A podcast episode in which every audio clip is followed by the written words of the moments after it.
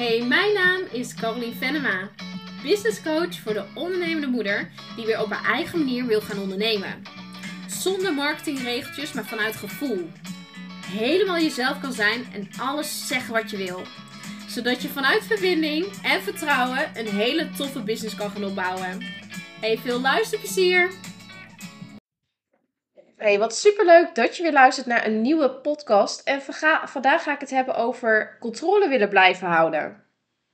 Uh, tijdens een sessie in de Mombos Club kwam ik er eigenlijk achter dat er best wel een aantal uh, ertussen zitten die eigenlijk meer vanuit een bepaalde controle aan het ondernemers zijn. En uh, bijvoorbeeld dwangmatig alleen maar online, online moeten willen zijn en niet offline kunnen zijn. Want stel je voor ze gaan ontvolgen of stel je voor ze gaan naar een concurrent toe. Of um, dus eigenlijk controle willen blijven houden op je volgers, zonder dat je daar überhaupt ook controle op hebt. Uh, dat is ook iets wat ik heel vaak zie, is dat mensen, dat, het, het raakt, dat iemand het raakt als, uh, oh, daar hebben er weer tien mij ontvolgd. Dan denk ik ook, ja, weet je, uh, laat ze alsjeblieft gaan. Je hebt er en geen controle over. En als ze jou gaan ontvolgen door iets wat je deelt of zegt, dan zullen het dus ook nooit klanten worden. Dus um, nu kan ik heel makkelijk zeggen: let it go, succes ermee. Maar dat lukt dus niet. Want op het moment dat jij heel erg die controledrang hebt. Uh, daar zit iets onder en daar moet je iets mee. Nou, in deze podcast ga ik daar de diepte over induiken. Dus als je het herkent, als jij dus ook wel last hebt van af en toe van die controledriften, zoals ik dat noem, die drangen, Um, luister dan zeker deze podcast. Want misschien is de grote vraag wel als eerst: waarom, waarom zou je dit doen? Waarom doe je dit? Omdat controle is eigenlijk één ding. Je zorgt voor rust en overzicht. Tenminste, dat is wat je denkt dat je doet. Je denkt dat je rust en overzicht gaat krijgen als jij maar de controle behoudt.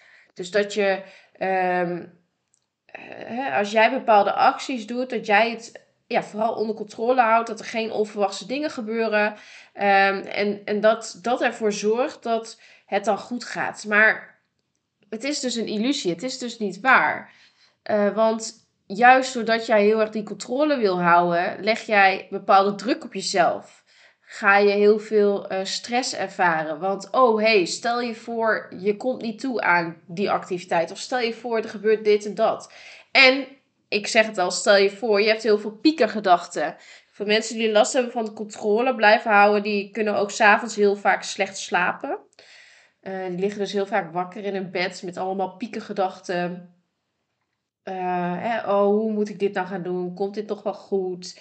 Um, en ik herken deze zelf ook wel. Ik, neem even een mooi random voorbeeld die nu heel actueel is bij mezelf speelt. Um, nou, op dit moment heeft mijn man besloten om te stoppen bij zijn baan. Dus vanaf 1 mei um, nou, is hij zeg maar uh, thuis. En dat betekent dus dat wij op dat moment eigenlijk volledig leven van de inkomsten van mijn business, van mijn bedrijf.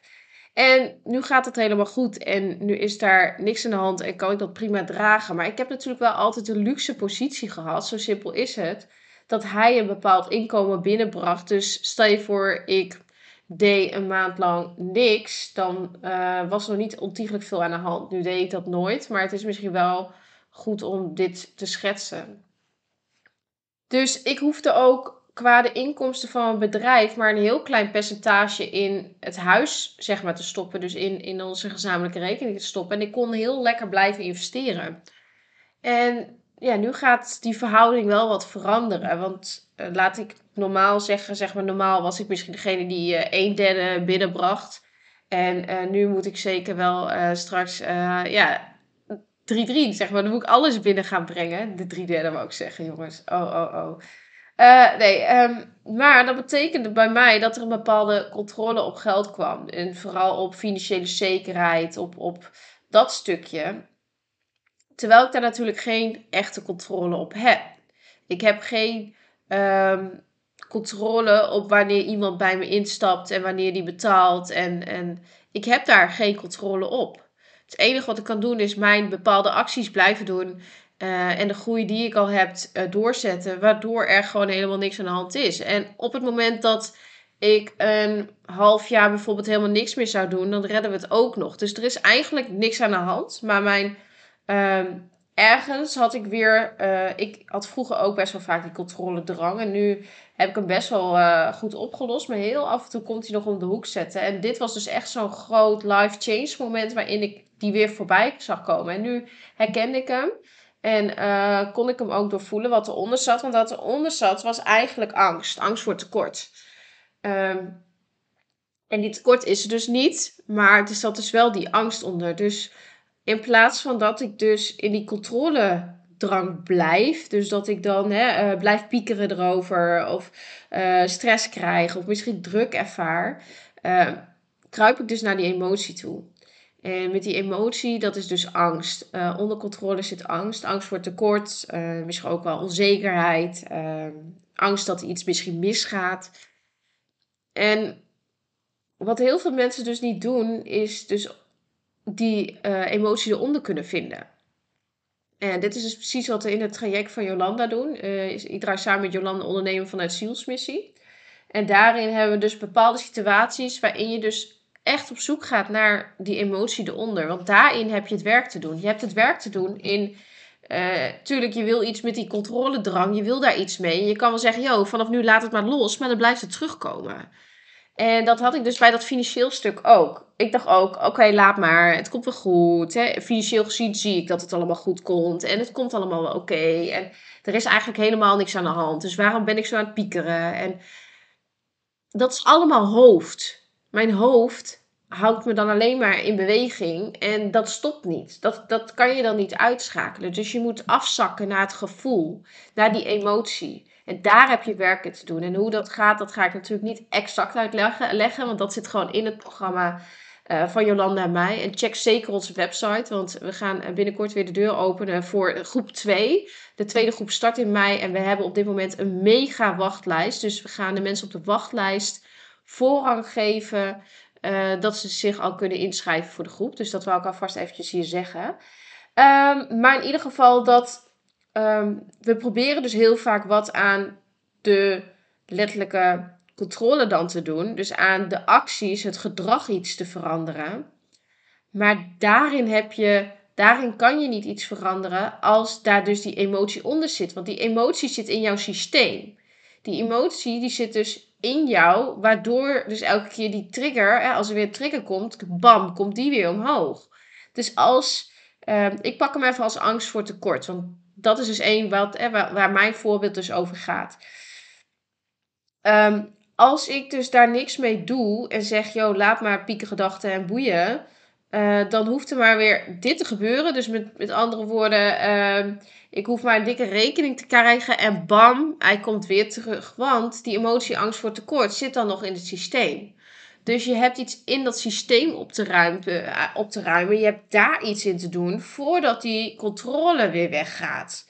Dus voordat, voordat je iets met de controle iets kan gaan doen, moet je daar naartoe gaan.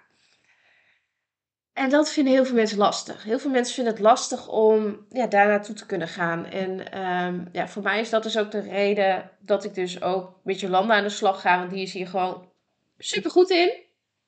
En uh, ik word hier ook nu uh, ook opgeleid door Jolanda om ook ondernemers hier straks mee te kunnen gaan helpen.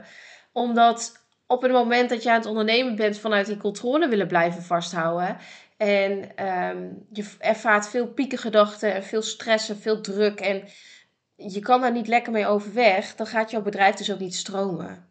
Dan heb jij last van blokkades, van belemmerende overtuigingen die ervoor zorgen dat jij niet staat, hè, waar, dat je kan gaan staan waar jij wil staan.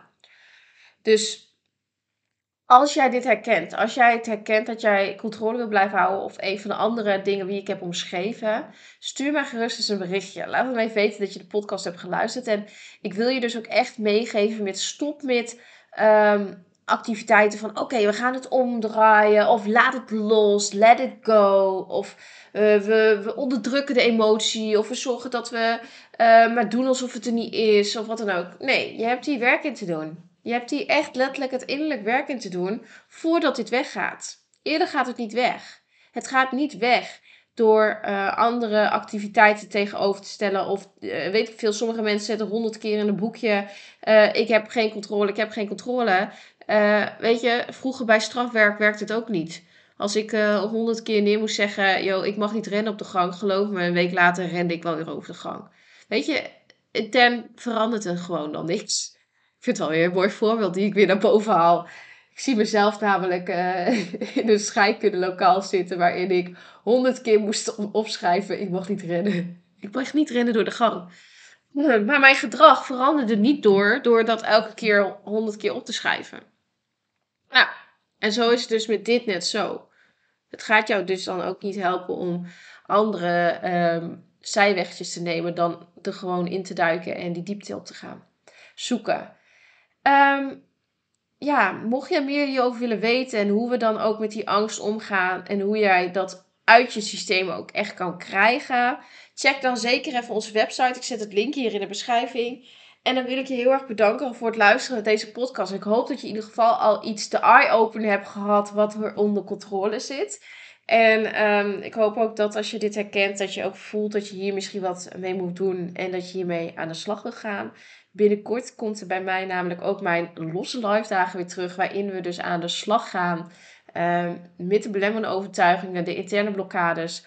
Uh, en dat we een dag lang hierin gaan duiken, zodat je na deze dag um, ja, je shit kan, kan, hebben opgeruimd. En dat je met een lichter gevoel uh, aan de slag kunt gaan in je bedrijf. Dus uh, ja, dat is al een hele stiekeme uh, disclaimer voor wat er allemaal gaat komen. Dus uh, hou me zeker in de gaten en tot de volgende keer.